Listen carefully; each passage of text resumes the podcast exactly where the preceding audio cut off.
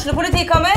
Ine Jansen er purk. Er du purk? The motherfucking bitch. Alt jeg vil, er å finne ut hva som skjedde med mannen min. Jon Carew, Er jeg sikta for noe? Iben Akeli, Det er du. Ole So, Lars Berrum og Big Daddy Karsten. Hvem sin side er du på, egentlig? Anette Hoff, Tone Danielsen, Kommer du fra Afrika? Jørnis Josef, Nesten kløfta. Trond Espen Seim, Det er synd å si det, men det var feil mann som døde. Purk. Premiere tirsdag på TV2 Play.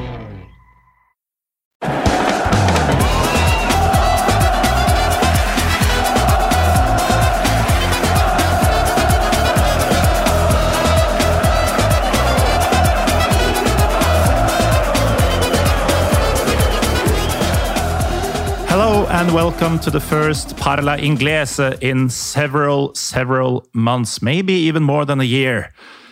With me today, I have former Northern Ireland international, former Raufoss and Blackburn striker, current and seemingly eternal manager of Glenavon FC, Gary Hamilton. Welcome, Gary.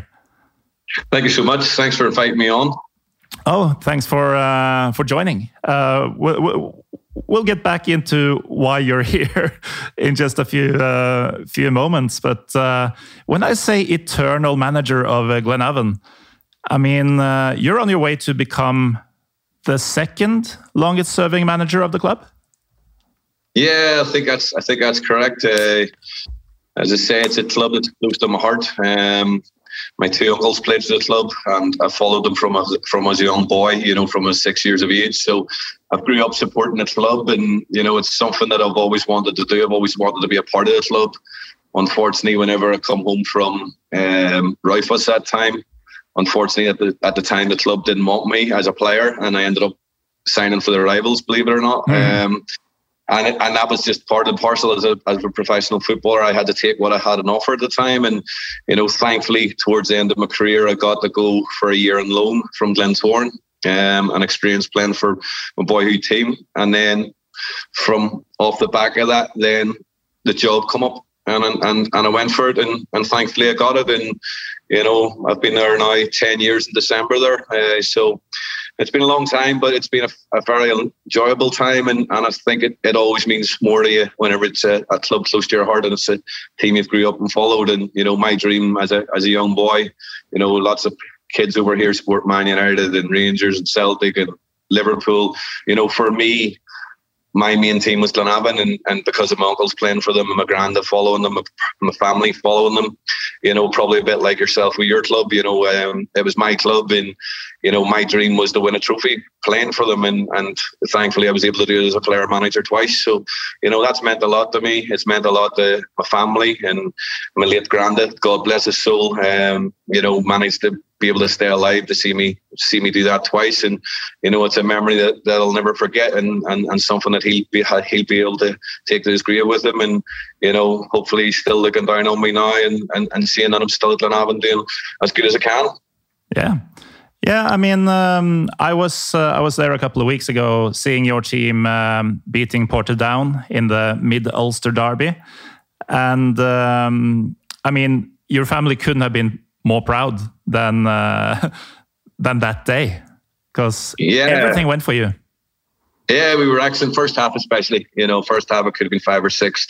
I think we took our foot off the pedal a bit in the second half, but you know, it was a good atmosphere, good match, and as I say, you know, obviously a lot of my family members were were there, and you know, obviously from growing up supporting that club, a lot of my friends are there as well. You know, that support that club as well that I grew up and stood in the terraces with as as a young boy. So you know, that means a lot to me as well. It's it, it's other people. You know, you're having. An, uh, a big impact on their lives as well in terms of if you get results in them matches because as every football supporter knows in the world, you know, derby matches are massive and, and they want to go away with the bragging rights and, and thankfully um, we did.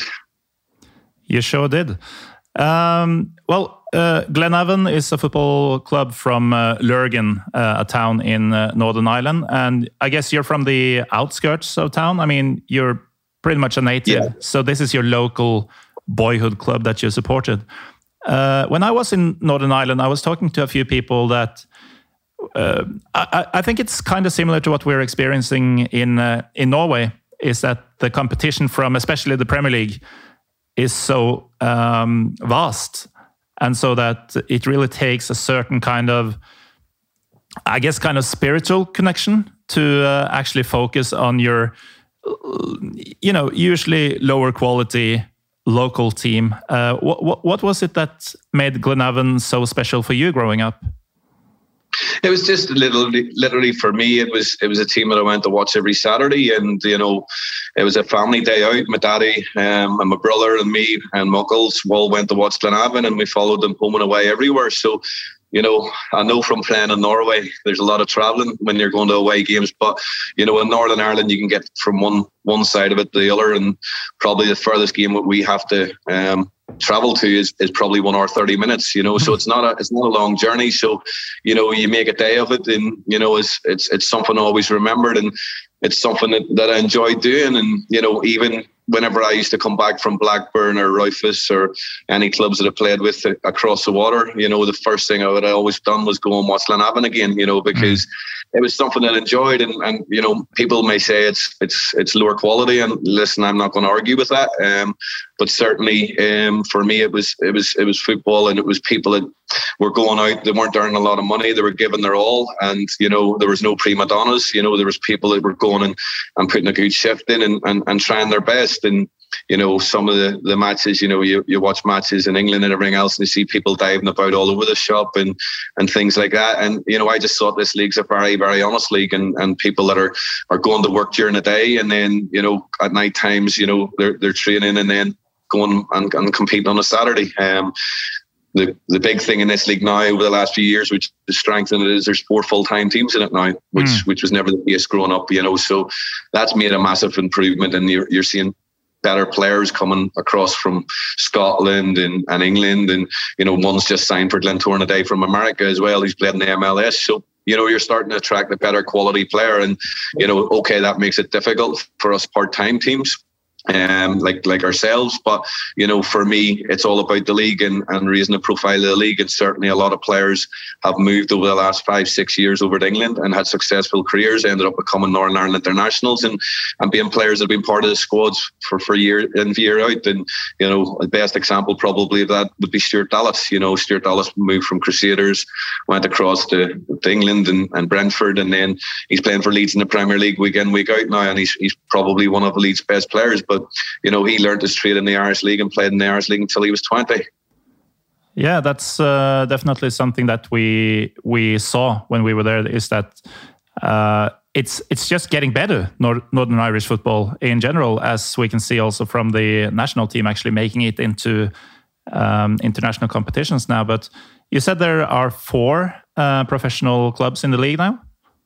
Yeah, yeah, four. There's Larne, there's Glentoran, there's Linfield, and there's Crusaders. You know, so mm. they've all went down a full time model, and you know, again, it's improved the standard of the league. Um, it's it's it's brought in more professionalism in the league as well.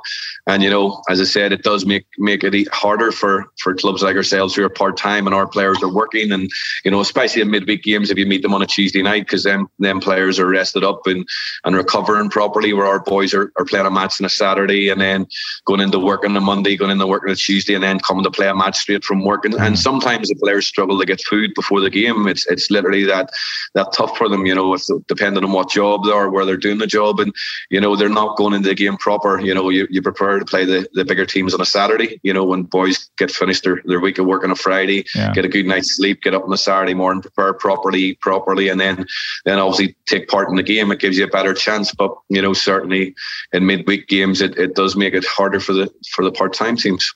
How do you, as a part time team, uh, cope with that difference? I mean. Uh, you you are playing. Uh, you have played quite a few matches in just a couple of weeks now, it seems to be a lot of midweek games, uh, high intensity, of course, in every match because of this is Ireland. Um, yeah. How do these uh, players survive, and how do you stay competitive? It's really, it's really, really difficult. Um, there's no point in me lying in that, you know. But you know, I've got honest boys, but you know, I think if you look at the, if you would look at the statistics, you know, in terms of the matches that the full time teams play against the, the part time teams in, in midweek matches, especially, you know, it would be a, a high loss percentage or a, or a high not winning percentage. You know, the, the, the the percentage of wins would usually go to the full time teams in them matches, and then it is an advantage. But you know, it is what it is, and if you want the, the league to get better and improve, then we need this. We need the full time teams, and if that means the rest of us suffering, then so be it. But you know, for our players, it's really, really difficult, both mentally and physically. You know, because they're they're going in and they maybe have a tough day at work. We, anybody that works knows that you can have a bad day at work, and then all of a sudden you're finding yourself on a football field that night trying to trying to trying to win a match for your supporters and and people don't understand that the, the, the players are going into work and maybe having a bad day at work where things haven't went right. They're stressed, and then they're going straight from that. Like at five o'clock, we meet a quarter past six. So most of them are leaving straight away from their work to come straight down to the, to the pitch and play a match and, and get prepared for a match. And, you know, they're maybe not in the mental state. And, you know, at that stage, it's it's too last minute for me to change teams or change team selections, you know. So they, they just get on with it and they just play, you know, and, and, and, and hope hope that they, they get through it. But you know that's one thing about them. You know you can't you you can't fault their commitment, and you know that's why I always you know when when supporters over here are critical of of players, it, it, sort of gets to me because you know they're they're, they're giving their all and, and and they're they're trying to combine two jobs and and they're trying to trying to go out on a Saturday or a Tuesday and perform and get and get supporters results. And you know maybe in England and and, and countries where where it's full time properly you know they can demand a little bit more of the players because they're, they're getting the proper rest they're getting the proper training they're getting the proper recovery they're getting the proper foods um, sport nutrition you know everything is, is setting a plate for them. So they don't have any excuses really not to perform, you know, whereas these players here have got their jobs to contend with, then their football, then their family life. You know, they've got so many influences in their in their life, and you know they're still going out and, and, and putting in performances as, as best they can. So, speaking of um, the supporters, uh, have you seen a rise in the popularity of the um, of the local football now that it's getting better quality wise with the professionalism and all that? Yeah, of course. Yeah, it's been a, a big improvement in, in supporters. Um, you know, I'm back in the league 20 years now in terms of playing and managing. And, you know, this has been the best period the last couple of years, maybe two to three years has been the best period I've seen in, in my time back in terms of supporters. You always obviously got your your your your good crowds in your derby matches. That that's always been a, uh, a situation here. But you know, with the with every match now, with the the, the bigger clubs, the, the Linfields, the Larnes, the, the Crusaders.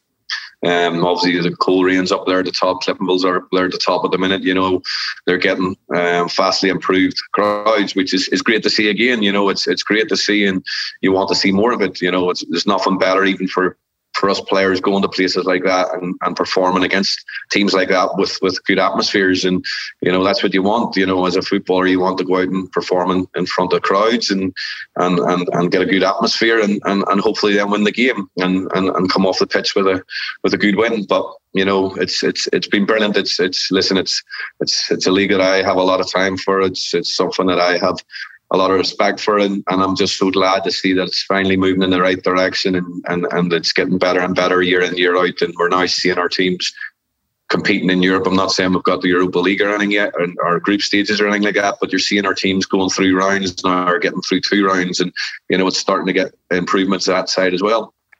Yeah, and that's probably the biggest um, or the clearest sign that things are moving in the right direction because it's not too long ago that um, I mean I'm I'm from Norway. Uh, I'm used to relatively shitty football from my club, especially, but also our competitors. And um, just a few years ago, anyone getting drawn against a Northern Irish team would just say, "Oh, it's a walkover for the Norwegian team." And yeah. um, then you guys had a visit from Molde, and yeah. it surely was no uh, walkover, was it? No, and, and to be fair, obviously Ole Gunnar Solskjaer was the manager that night, and you know it was great for our players because a lot of them are Man United fans, and for to have Ole there, it was it was a great occasion for them. And but that night, and, uh, and I mean it, if I could send you the footage of the game, you know, we were deserving winners. We were very, very good that night. And, you know, a certain player called Haaland played that night. And, you know, we all know who he is and how good a player he is. And, you know, literally our two centre backs that night didn't him a kick, and he ended up getting moved out to the right wing. You know, and you know it was just such an amazing performance from our players on the night, and you know I think they maybe coming in underestimated us a little bit, but at the same time we were very very good, and you know after the game, to be fair to Ole, um, and that's one thing I'll always I'll always stick with me in football. He was such a such an honest loser. You know, he, he, he turned around and he and he said we deserved to win the game. You know, and to be fair, even when we went back out there, um, that we went down three one at the stage, and, and at that stage it was a, the way goals could count. And we got in the box and we should have had a penalty and, and we didn't get it. And, mm. you know, I think that was about the 81st minute. And obviously at that stage, we needed to get the next goal. And, and, and obviously if we didn't get it, we were out. But if we'd got that penalty, who knows? But obviously after that, we we obviously went to three at the back to try and chase that goal, and they ended up coming out five one winners. And you know, but it was such a great experience for the players. And as I said, you know, we certainly gave them gave them a run for their money on on both nights. Definitely, and uh, for that just for beating them that once, uh, I thank you from uh, from the bottom of my heart. Uh, but this is not the first time you've been to to Norway, Gary. Yeah, I was in Raufoss. Uh, you were 2001. 2001. Yeah. How how did that happen? Well, listen. At the time, it was. Uh, I was at uh, Blackburn at the time, and, and Stig Inge Bjørnebye and Henning Berg were both there. Um, both of them played at the time for the club. And at the time, they they respected me as a footballer and they'd seen me, I'd been up training with the first team and things like that. And they'd obviously seen that I'd been released due to an injury and um, I just got back fit near the end of my, my contract. And it actually come about in a funny search circumstance because, first of all, Stig Inge Bjørnebye asked me to go over to Kongsvinger. So I went over to Kongsvinger first and I, I played in a match for Kongsvinger, um, a pre season game against a team in the in the in the senior league or the top league in Norway, and we beat them two one and I scored two. Um, so, you know, they obviously offered me a contract, and and then whenever I got back, um, we were having a night out um, as a as a goodbye with everybody, all the first team players and all. It was an end of season night out, and you know, I ended up sitting with Henning, who I'd always got on really well with at the football club. You know, me and Henning had always he'd always looked after me as a young player, and and he always would, would talked to me and give me advice. And he said, I hear you're out at Kongsvinger. He says, I, I've got a club called Raufoss that, that, that I, I think he has a bit of a share in it at the time or something like that. And he says, we did not go out to my club. And, and at the time, I obviously got on really well with, with Henning. And, and because I'd been out to Kongsvinger and I enjoyed my week there, I thought to myself, well, Henning and me have known each other longer, so I'll pro- I love Norway. I'll, I'll go out to Raufoss, and you know I went out there and I, and I thoroughly enjoyed my time there. I really, really did, and and probably one of my biggest regrets in football is that I, that I didn't take the contract that they offered me and I come back home because um, at the time I, I, I, come back home under a false promise that, that, that never materialized. I thought it was happening. And whenever I got back home, the contract wasn't on the table. And then by the time I, I contacted Raufoss back to say I would come back, um, they had obviously offered another striker the contract in it, and it always is something that stuck with me. It's always something that, to be honest, yeah, it's like unfinished business type thing, and it's something that it, it is a country that I loved, and it is a country that I would always like to went back to because I I made a mistake and I and I didn't uh, make the right decision at that time. And as I said at the time, I, I really really had a, a lovely time there. The people were lovely to me; they were great. And as I said, I thoroughly enjoyed living in Norway and as I said, I, thoroughly enjoyed playing in the Norwegian league, and, and and and although it was a it wasn't a top league, it was a league below, and you know I, I managed to score. I think it was four or five goals. I scored scored a couple in the league, you know, and I scored two or three in the cup. And you know, one of my best experiences was as a young boy growing up when you used to watch Match of the Day. Um, a player that always stood out to me and stuck up stuck out to me was Jan Åge Fjørtoft, who used to do the famous celebration when he scored goals for Swindon. And in one of the cup games when we played one of the Premier League sides, I can't remember the name of the team that he played for at that at that um, time, but we went and he was playing, and it was always like it was like a dream come true for me because I grew up watching him, and he always stood out to me because of his goal celebrations and the amount of goals he scored for Swindon. And I ended up being on the same pitch as him when I went to Norway, and it, and it was a, a great experience and a great feeling for me. Well, uh, sounds like you thoroughly enjoyed your time, and you, you say that it was a mistake not extending your stay. But I see that you went back home uh, first to play for Portadown and then for Glentoran, and it seems to be the next ten years after coming home would be the best footballing days of your career. Yeah, listen, yes, yes. Um, to be fair, you know, as much as it was a Glenavon's rivals and, you know, a team that I hadn't much time for growing up. I went to Portadown and I, and I thoroughly enjoyed my time there. You know, they gave me an opportunity and I ended up scoring a lot of goals there. Scored over 100 goals there, and um, I ended up getting my first international cap while I was there. You know, so you know I have a lot to thank them for as well. At the same time, and you know I'd, I'd done really well there um, in, my, in, my, time at Portadown. Then I moved on to Glentoran as well, and I had a really successful time there, and scored a lot of goals there again, over 100 goals there as well. And again, I got more international recognition there. Like I, I know I only ended up playing five times for Northern Ireland, but I think I was probably involved in about 20, 25 squads. So, you know, those experiences, you know, I always, when I was growing up, my, my ambitions as a young boy growing up was always to to play for Glenavon and, and win something with Glenavon and, and to play for my country. And, you know, I've been lucky enough to be able to say that I've done both of them. And, and you know, the other one that I wanted to do was obviously make it as a professional footballer in England you know, I did it to a certain degree, but I, I, I, didn't completely fulfill that ambition. But as I say, um, I can't swap. I wouldn't swap anything for the world because, you know, I've, I've, I've managed to, to get two of my ambitions out of the three, and, and two out of three ain't bad. Definitely not. Um, so I promised that we would uh, get to why we uh, decided to make this uh, podcast because, I mean, I, I, I went to Northern Ireland uh, to Belfast um, on a Friday. Uh, I catch uh, I caught the Bell Classico at the Oval between uh, Glentoran and uh, Linfield, which was which was a great experience, by the way. Uh, yeah, clearly a, the biggest two clubs in the in the country, right? Yeah, it's amazing. And, and like, listen, I've been lucky enough myself to play in many of them in my time at Glentoran. And, you know, that is a, it is an amazing experience. And, you know, in my time, whenever there wasn't as much crowd restrictions, you know, you would have been getting 11, 12,000 at them games, mm. you know, which is, which is good crowds, you know, and, you know, it was a, it was a, it was a hostile environment, um, as you, as you probably witnessed yourself and yeah. experienced yourself. And there's a lot of, a lot of hatred there, you know, and then they, they, they despise each other. And, you know, but it was as a footballer again, it was it was one of the best games you could play in, and, and it's something that that'll always stay with you the rest of your life. And I'm, and I'm sure you glad you were glad you got to experience that yourself too. Oh, absolutely, and even with the restrictions, you had about six thousand people in the stadium. I think. Um, yeah, we, I think that was that was restricted. But Glentoran, I, I know I am the assistant manager. Glentoran used to be the assistant manager at Glenavon with me, and um, he was telling me that they could have sold out the whole ground themselves. Mm. You know what I mean? But if they had it done that, then when they went to Windsor, then they mightn't have got an allocation of, of, of, tickets. So they didn't want to do that and not have their own fans at, at Windsor or at the National Stadium as well. So, you know, Glentoran had a demand, I think, of 7,000 people for tickets for that match alone. So you can you can tell how big a supported club. And the same with Linfield, they're, they're, they're massive. And if they got the cup final, there's no doubt they would fill 20,000 easy. That's beautiful. So, uh, so that was a great Friday night for us, uh, despite the rain and the wind.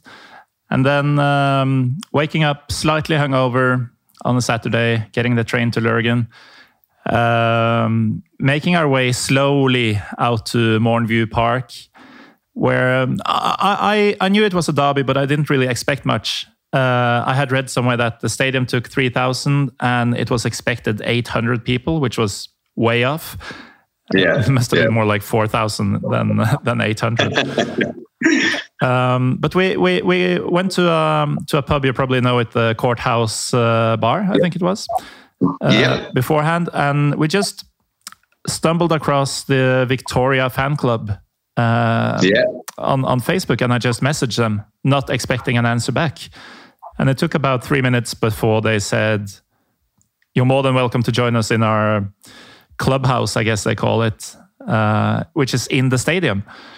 Yeah. So so we make our way there, and um, we get to the to the turnstiles, getting ready to show our tickets, and the guy just asks, "Are you the Norwegians?" So didn't really have to show our tickets. uh, just uh, we were expected uh, already, and we just got the warmest of welcomes. Uh, sadly, that included a taste of what they called Lurgan's finest yeah. Which is uh, Lurgan, Lurgan champagne. yeah, well, there's nothing champagne about it, is it? what I'm talking about is, of course, the the buckfast or or the bucky, as as the locals call it. Uh, what what what is a buckfast?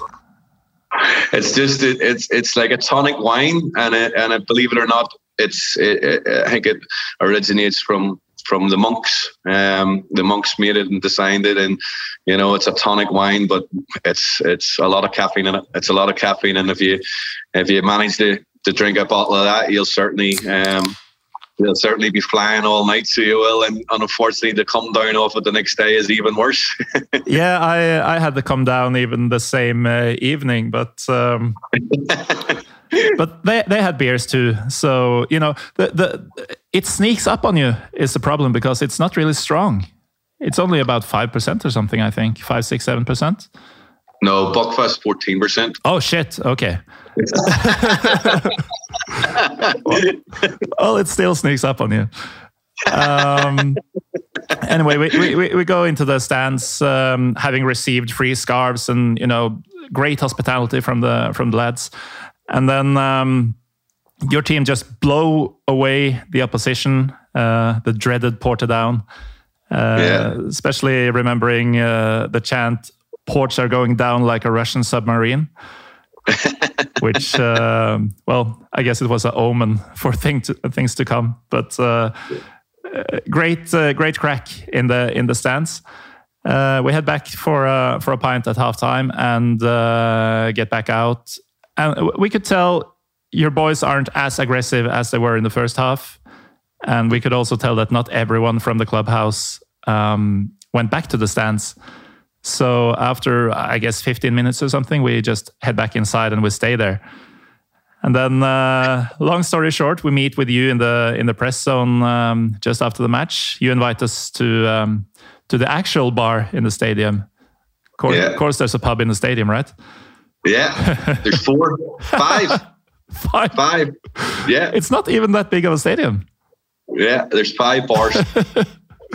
well, it's just you know, space efficiency. Yeah. Very well planned. Uh, They're all head on the stands. good, good architects. Um, so we head inside, and there there is a full bar, and I I remember you coming over, and you took me to the to the actual bar. You went under it and inside, and you just pour yourself two pints for me and my friend Trim which is you know not something you expect from a top flight manager anywhere in the world. Now, listen, as I said, it's a it's a family club, um, and you know I'm, I'm, I'm sure you've you knew that when you were there and experienced that. You know, it's I played for a lot of clubs in my time, but you know, in terms of family clubs and and and at the Gallerness, it's it's it's unbelievable. You, you you have to experience it to believe it. Um, and that's the way it is. You know, like if I had to work a shift in the bar, I'd work a shift in the bar. That's just it's just the way it is, you know. And you know everybody does everything to, to help the club as well, as best they can. And you know sometimes when you get a bar as busy as it was that night, and the two girls are getting uh, a tough tough ask, then there's nothing wrong with me going in and, and helping out and, and pulling a couple of pints or getting a couple of bottles of beer, you know. And that's that's just the way it is, you know. And and and the directors maybe jump in behind the bar time or whatever, you know. It's just there's a lot of people that do it doing it voluntary. So you know, it's it, that's what I like about the club. You know, it's it's you know, and, I, and as I always say, you're never too big or, or better than anybody else to do anything else. So, you know, I think you, you, you have to be grounded at times and, and, and, and play your part to help the club too. And, and uh, listen, I wasn't going in to do it, you know, cheekiness. It, it, I do that quite regularly, you know, to help out. Mm. And of course, the, there was live music. Uh, it was a good crowd, uh, good atmosphere, of course, after the derby win. So, so the Buckies came, uh, kept coming and I, I seem to recall some. I mean, my I'm quite a large guy. My friend is uh, even bigger. I seem to recall some dancing or attempted uh, dancing, yes, which is very out of character for the both of us.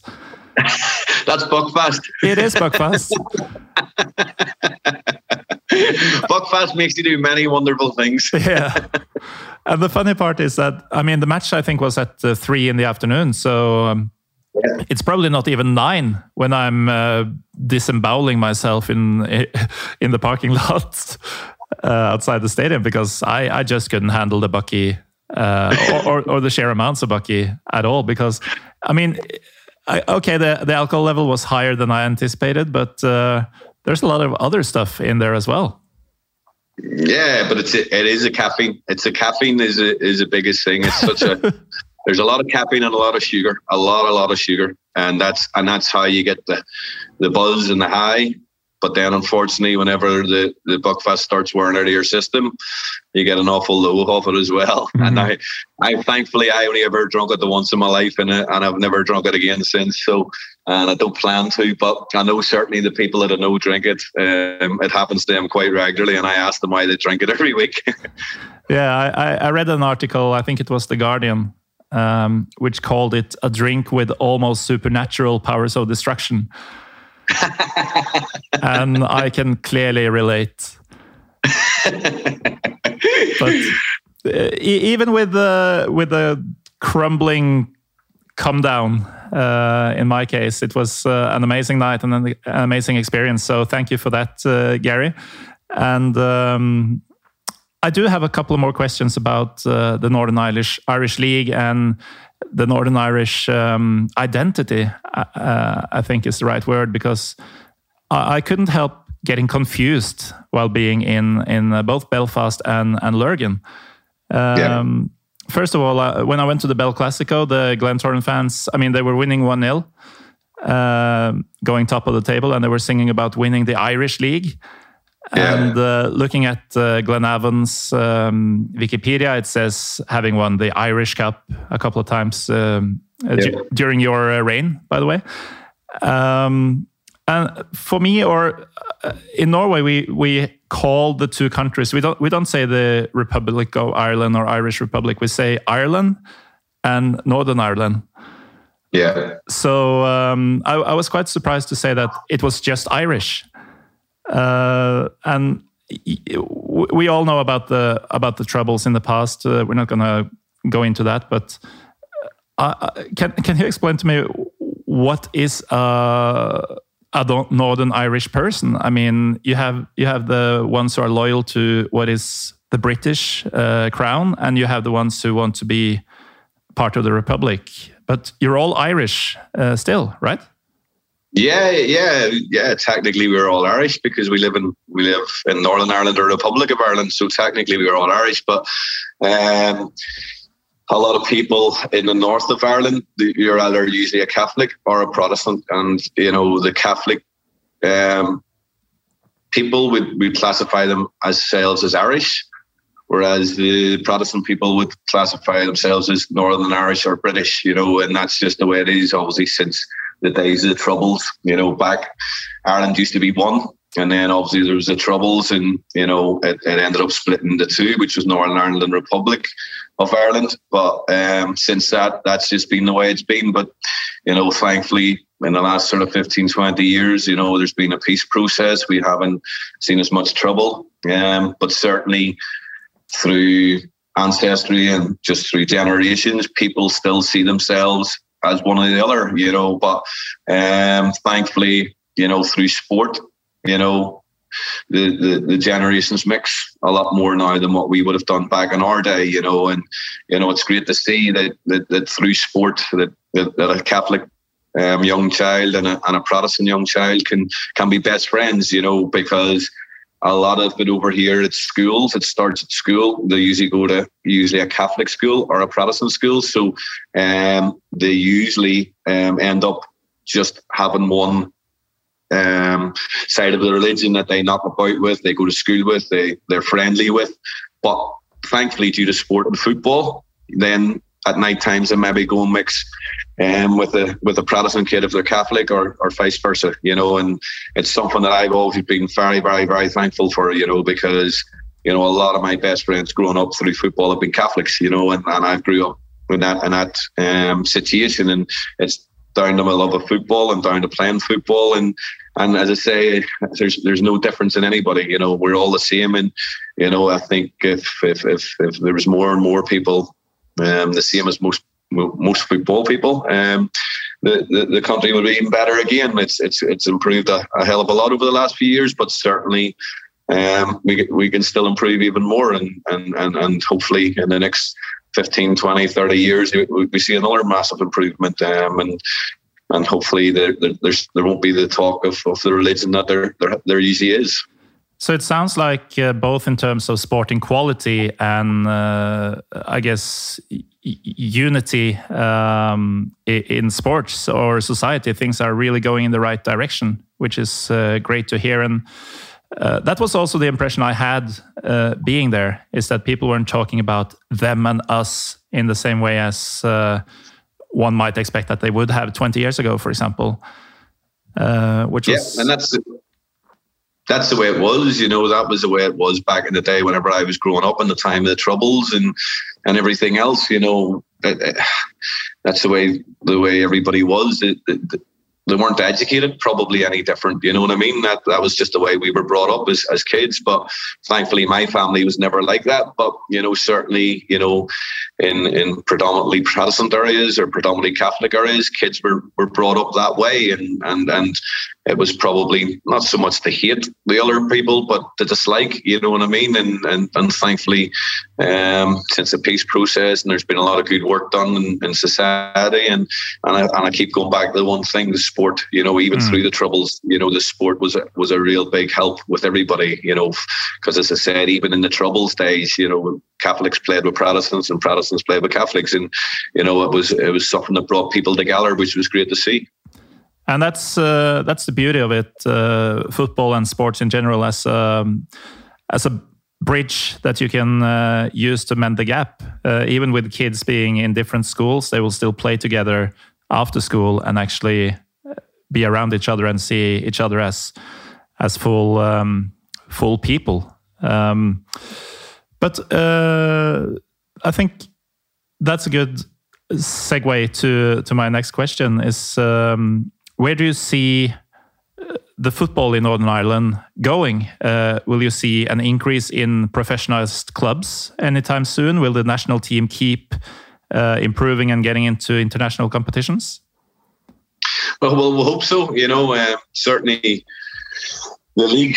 If we start with that, um, personally, you're just hoping that there's more investment comes into the league. There's been a, a lot of investment come into the league. The guy who, who owns Glentoran's an Iranian, um, and obviously uh, the guy that owns Larne um, comes from Larne itself, but has ended up becoming a, a, very wealthy businessman, and he's he's wanted to put money back into his hometown, you know, and and and give them something back. And you know, you hope that there's more people out there, you know, because I'm sure there's somebody from from most towns in this in this country that went on and been successful in business or mm. whatever else. And you hope that these people put back in eventually and maybe see other people doing it and maybe encourages them to to help out their hometown team and and then maybe you could maybe see more full time teams in the league and, and maybe end up getting that way eventually. But you know, certainly at this minute in time, I can't see it. But you know, we're just hoping that, that people see the league improving, and improving, and, and maybe want to invest in it, and maybe want to invest in clubs in this league, like like it's done in other leagues in the world. And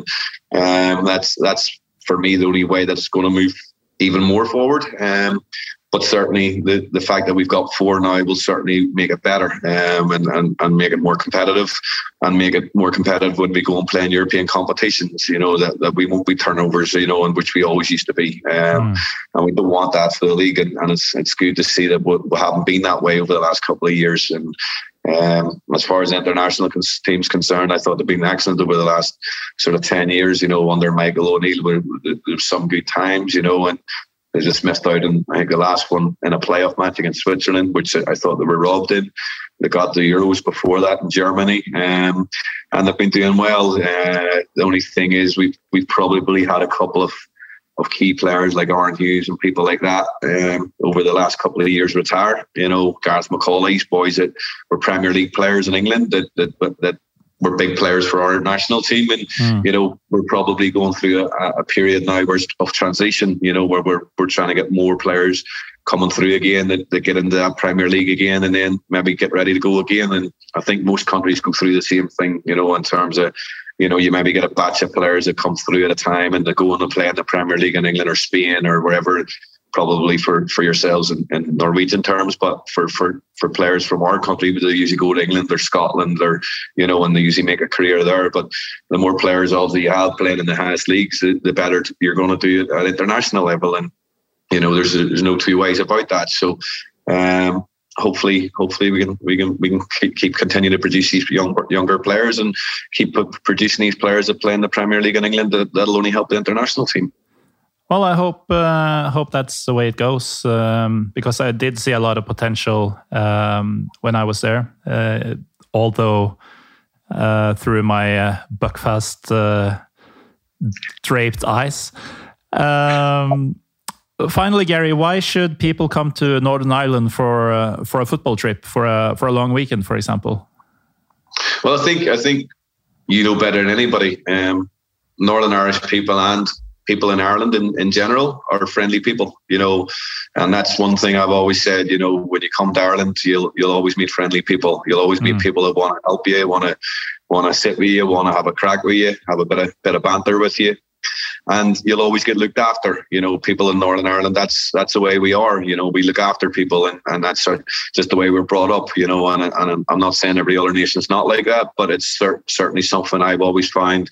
You know, I've played in England, and and and, and I haven't found it as friendly at times, and you know that's just the way it is. But certainly, no matter where I've been, whether I've been in Southern Ireland, whether I've been up with the northwest of Ireland, you know, everybody's the same. You know, everybody's welcome them to you and, and on open arms to you. And you know, as I said, from the football side of things, you can you can get a good hard game um, where where players are fully committed, don't pull out of tackles. And you, nowadays, you can get entertaining football as well. You get you get good matches as well, where you'll be entertained too. Thankfully. Yeah, well, uh, that sounds uh, about right. And I mean, the the hospitable, nice people.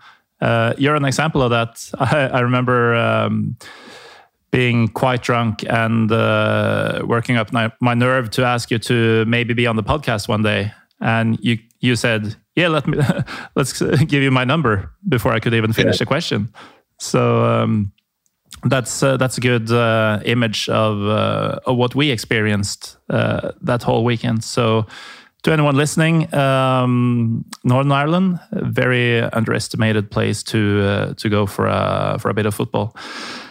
Uh, Gary, thanks for uh, for being here. I know you have to get going to pick up your kids from uh, from football practice.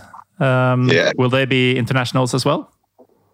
Nah, I don't know about that. We'll wait and see. As I say, that's it's their career. They'll just get it on with themselves. I take very little to do with them. I just let them go and play themselves. But you know, obviously, as a father, you would love it. But you know, I don't want to get involved with them. I don't want to put pressure on them. I want them want them to do it for themselves and, and find their own path and their own way in life. Yeah, well, sounds like um, a good uh, good attitude to to the whole football parent thing, which can be difficult for some. Anyway, thanks a lot, uh, Gary Hamilton, for for being on the show. Best of luck uh, for the rest of the season. Listen, it's been a pleasure. I, I, really mean that. Know it was a pleasure meeting um, you and your mate. It was it was it was top class. And as I say, anytime you want to ever come back, you know, you know, you're always welcome at Glenavon, and, and we'll look after you. I mean that. And as I say, I hope hope you you're, you're successful in your life and, and you go on and you do well. And if we never meet again, um, thanks, and it was a pleasure to meet you.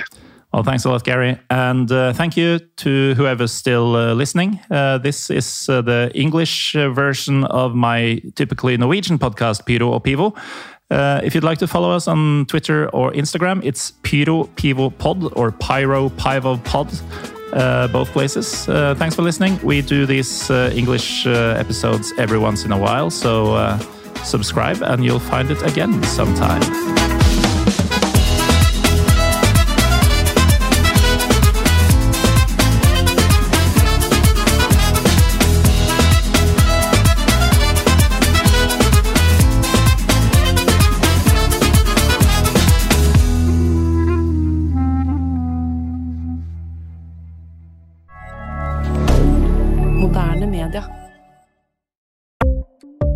Ukens annonsør er HelloFresh. HelloFresh er verdens ledende matkasseleverandør og kan være redningen i en travel hverdag.